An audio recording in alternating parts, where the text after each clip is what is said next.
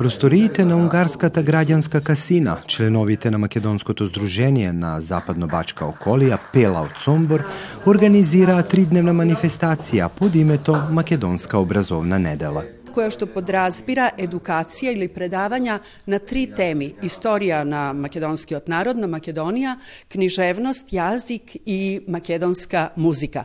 E, sušnost ova je taka narečena šesta pored Srma.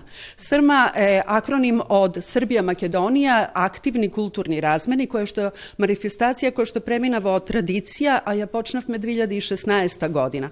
Pa 2016. godina imavme obeležuvanje 70 godini na egzodusот на македонците од Егејска Македонија и нивното доселување овде во село Гаково околу 5000 македонци се доселиле веднаш после Втората светска војна во селото Гаково кое е на 10 километри северно од Сомбор и отвориле училиште кое што се викало Гоце Делчев учебници на македонски јазик, од кои што учеле повеќето од 25 народи и народности кои што живееле во Гаково.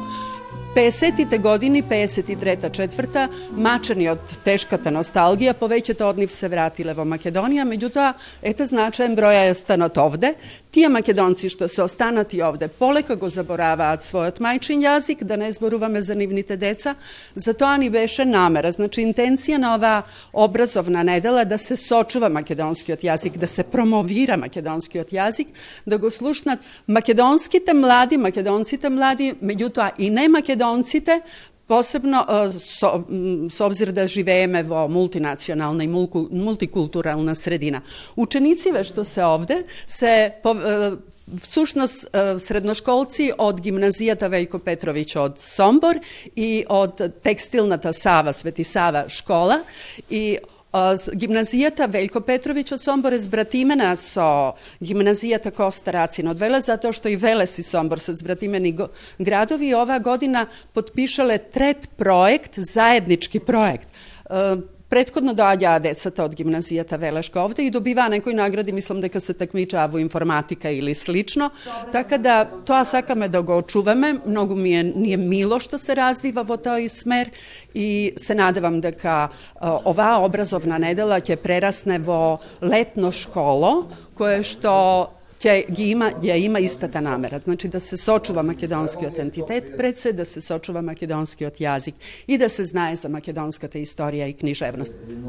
Целта на овој проект е популаризација и промоција на македонскиот јазик, историја и култура, како и придонес на зачувувањето на македонскиот идентитет, како и на зачувување на мултинационалноста и мултикултуралноста на овие простори. Утре во програмот имаме и уште е, изложба на винетите на Виктор Шеќеровски и имаме е, промоција на неговата збирка, најнова збирка на песни, за што ќе зборува Миленко Попиć и е, зби, промоција на збирката на песни на професор Ајко Игиќ, кој што е сомборец од Чикаго и за него е, ќе зборува заправо Миленко, а за Виктор ќе зборува Радомир Андрич, доскорашниот председател на Друштвото на книжевници на Србија. За историјата на македонскиот народ и на Македонија ќе зборува новинарот, историчар и дописник на Македонската радио телевизија Оливер Бранковиќ. За македонската книжевност ќе зборува Виктор Шеќеровски, нашиот есеист, публицист, новинар и уметник. За јазикот ќе зборува професор Желјко Милановиќ од Филозофскиот факултет од Нови Сад и за музиката ќе зборува магистар Мирјана Ѓокиќ, магистар на виола од Скопје и од Рим, Сомборка од Скопје и од Рим. Како што истакна председателка на Сдруженијето Пела од Сомбор, за историјата на македонскиот народ зборуваше Оливер Бранковиќ, дописник на македонската телевизија од Белград. Кога е прашање за македонската национална менина како да се работи, значи треба да се користат позитивните законски примери на Република Србија, кои што го овозможуваат непреченото образование, учење на јазик и негувањето на културниот идентитет во Република Србија. Треба да се искориста сите тие можности што на вистина држава Србија ги дава, а и со билатералната соработка меѓу Република Северна Македонија и Србија, за да се унапреди положбата на македонското малцество во, во Србија. Говорам, проблемот не е во Република Србија, проблемот е кај нашите македонци во Република Србија, едноставно да не се срамат од својот идентитет и да сака да го научат својот јазик и своето потекло. За македонската литература и поезија зборуваше поетот Виктор Шеќеровски. Ние македонците ги имаме сите права како едно достоинствено малцинство и се она што е битно за нашето обстојување во овие простори ни е дадено на еден прав начин и од политиката на Србија, а и од поддршката на нашата домицилна Македонија. Во секој случај, може би, на еден прагматични начин не сме на најубав начин организирани од проста причина што знаете, знаете како секој овај човек е слободна личност и најповеќе си ја сака слободата, а дали ние се објас, изјаснуваме како македонци или како некоја друга националност не е битно, Најбитно е да сме луѓе, да сме значи добри луѓе, а сето тоа е ефемерно и небитно, но овај во секој случај ние македонците овде на вистина и ужиме сите благодети во оваа политика има и поддршка. За успешноста и потребата на ваквите манифестации, со носталгија, но и со среќа, истакнуваат посетителите на Македонската образовна недела. За мене лично многу. Ти... Мене мајка ми не е македонка, ама јас се осеќам како чист македонец. Значи, по јаки са гените на татко ми, таа крвна врска со Македонија, отколку со гените на мајка ми. И ако неам одено во македонско школо, неам учено македонски јазик во школа, се што знам и се што го зборам е од баба ми, од татко ми, и тие гени се многу јаки. Татко ми од Македонија дојде во Србија како војно лице И јас како дете дојдов тука да живеам. Постанат, на, и јас постанав војно лице, го настави патот на татко ми и тука во Србија останав. Уствари во цела Југославија бев порано, ама сега последните години живеам во Србија. Оваа манифестација е поддржана од страна на Министерството за човечки малцински права и обштествен диалог, Покраински секретаријат за образование, прописи, управа и националните малцинства, како и град Сомбор.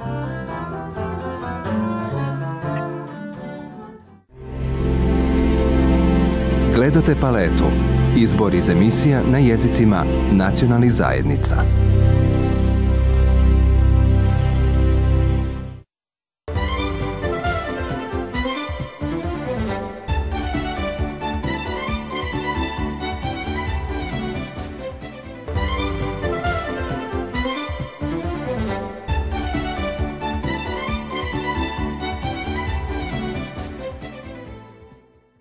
Во тека изработка на првата боенка на менета на најмладите припадници на македонската заедница во Србија. Проектот Македонски обичај во слики на Сдруженијето Македониум е одобрен од страна на буџетскиот фонд за национални малцинства за 2021 година. Беше распишан конкурсот на буџетскиот фонд кој што ова година предвиде да се финансираат проекти во рамките на образованието. Ние како здружение тука во Белград, за жал се уште немаме училишта во кои што се учи македонскиот јазик. Така да се определивме, осмисливме еден проект и, и една проектна идеја како можеме да придонесеме во тој образовниот процес на, на македонската заедница во Србија. Во е, нашето здружение членуваат и ликовни уметници, кои што се истовремено и дел од Друштвото на ликовни уметници македонци во Србија Длумс. Синиша Новески, Ирена Ѓукиќ, они покрај тоа што се ликовни уметници, они работат и како педагози, наставници по ликовна култура во основните училишта и произнесоја една идеја да може да се направи бојанка со мотиви на македонски обичаи и македонска традиција, која што би ја користеле децата од предучилишна возраст, односно децата од прво или второ оделение на, на во основното училиште. Го направивме проектот, среќа го одобри од, од буџетскиот фонд, така да тргнавме во, во реализација и се надеваме дека до почетокот на второто полугодие ќе биде готов целиот проект, односно дека ќе можиме поенките да ги доставиме до оние деца кои што го учат македонскиот јазик и до во оние места каде што се учи македонскиот јазик за да можат уште од предучилишна возраст да се подготвуваат и да кога се запишат во прво деление се запишуваат и на македонски јазик.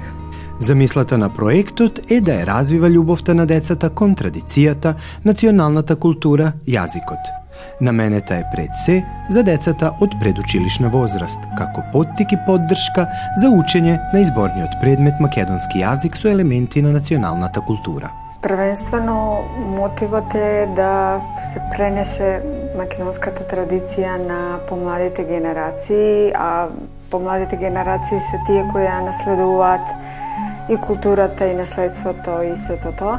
И ни беше задоволство на мене и на мојот колега да ете направиме еден ваков проекат проект, тоест заедно со Зорица. И многу ни беше да кажам инспиративно бидејќи нели како што знаеме македонската Македонија е богата со традиција и просто неисцрпна е и како што истражував за сите тие нели илустрации баш налетав на, на, на многу многу богата богата инспирација што се однесува до фолклор и традиција. Тоа се македонски обичаи, не слики, не само обичаи, туку специфични да кажам, ајде да кажам некој тој специфичен македонски амбиент, дали е тоа нели архитектура, нели меѓу кои што се познати има македонската црква, дали е тоа нека македонска типично македонска куќа или пак што се однесува до обичаи кога се празниците во прашање, како се слави Божи, како се слави Велик ден. Постојат и многу други празници по одредени краишта на Македонија, каде што се на посебен начин почеток на пролета, почеток на есента, зимата. Струмички карневал, познат по нели, познати во светски рамки како еден од најпознатите карневали.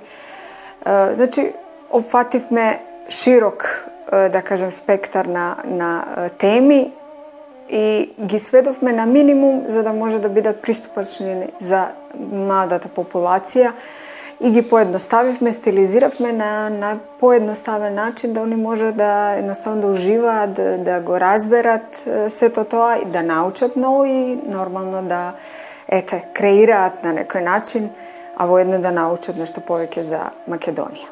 Боенката ја осмислија и ја изработуваат младите македонски ликовни уметници Ирена Ѓукиќ и Синиша Новески од Белград.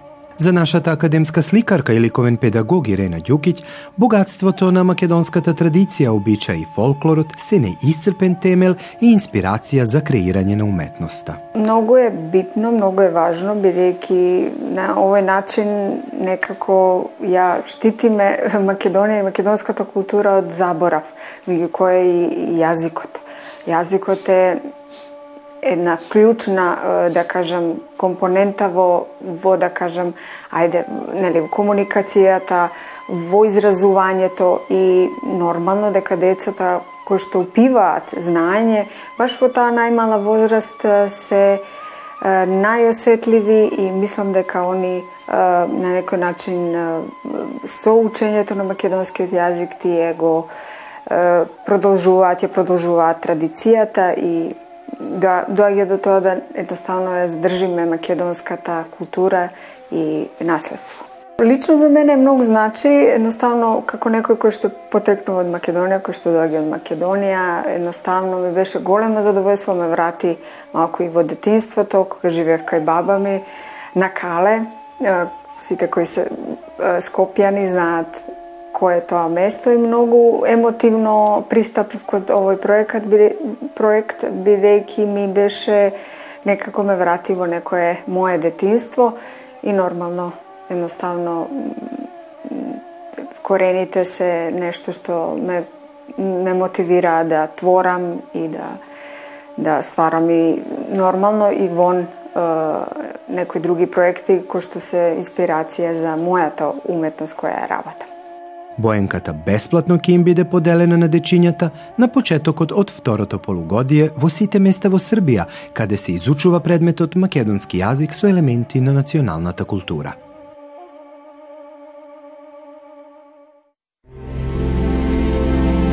Гледате палету. Избор из емисија на језицима национални заедница.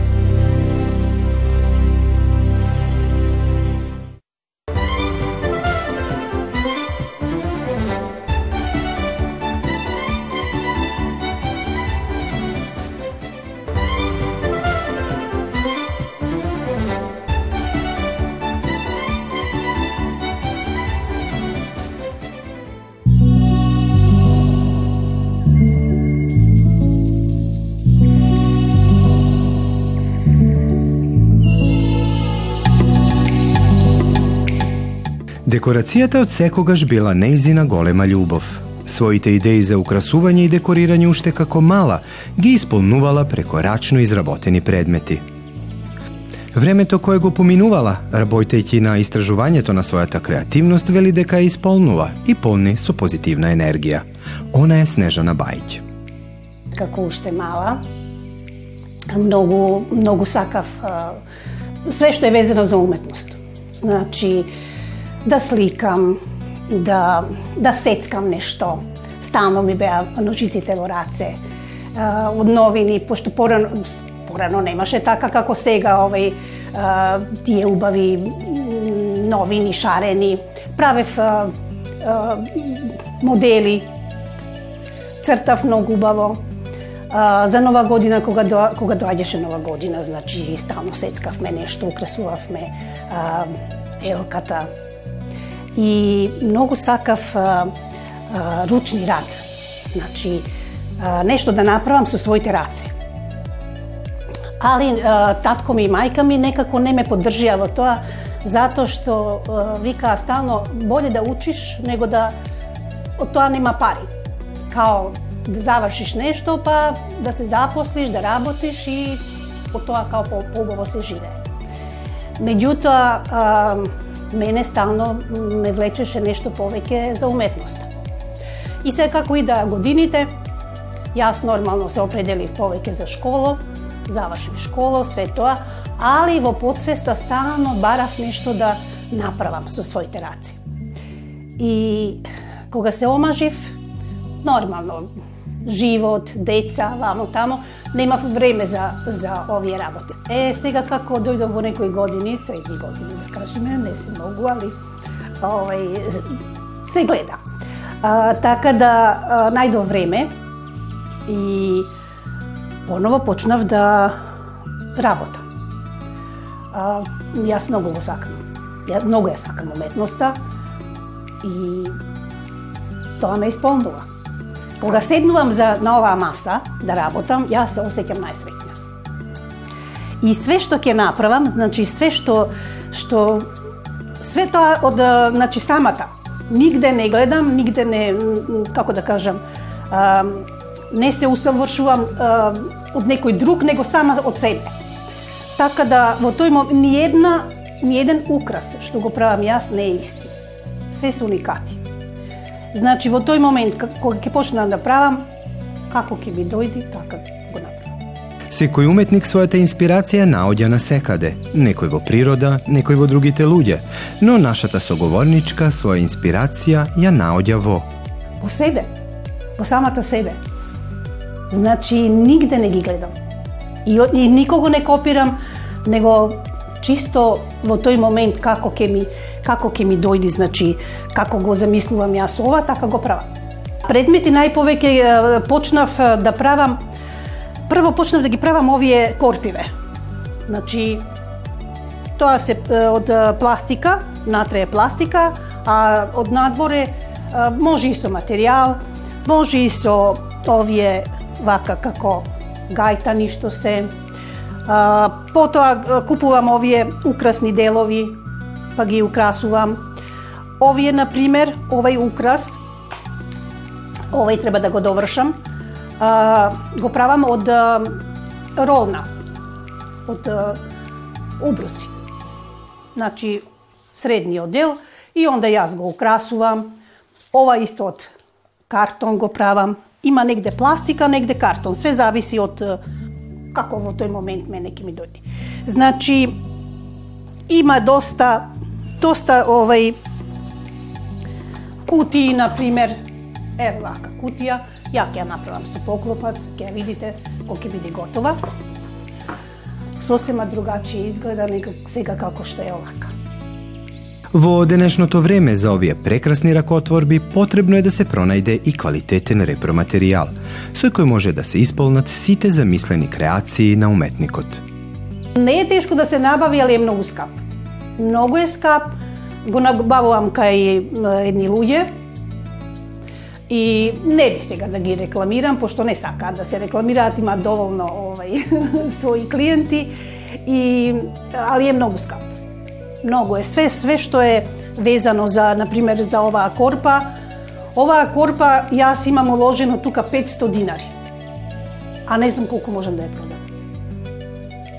Затоа што се овие цирконите многу скапи, овие исто се скапи, така да, но овој.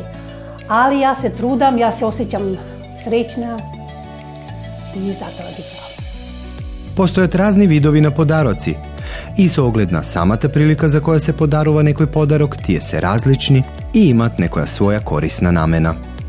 За сите прилики, овие корпи, на пример, може да бидат полни со јајца за е, Великден. Може да бидат е, за родендени, направени со цвекиња. Ќе ги видите после кога ќе ви ги покажам сите мои овој работи кои ги имам направено. Е, имам кути за на пример за бижутерија, за украси и така. Овие, овие се свеќњаци, на пример. Ова е свеќна. Значи, тука можете да ставите слободно свеќа и она може да гори, да стои на маса како украс. Така да, за сите прилики. Снежана и покрај сите своји обврски во домаќинството, изнаоѓа слободно време за создавање и креирање на овие прекрасни предмети. Немам одредено некое време, сега да речам 7-10 сати или, или 5 сати, али е до, потребно многу големо време да се направи, на пример, оваа корпа, пошто е доста треба прецизност, лепак, па додека се загрее, па све тоа така. А, така да, па зависи. 3-4 до 5 сати. А, повеќе не ни можам да седам затоа што ипак и седењето ме а, замара. Па јас доста поклонувам. Јас многу поклонувам овие работи мои и сите кои ќе ги видат, сите се стварно одушевени и на сите им се свиѓа. Доста давам по манастири, по цркви, кои луѓето прв пат ги гледаат тие работи и просто се изненадени. Така да јас многу поклонувам. Поклонувајте. Најдете секој ден разлог да израдувате саканата особа. Љубовта и дарувањето се составен дел од животот кој го сочинуваат малите нешта.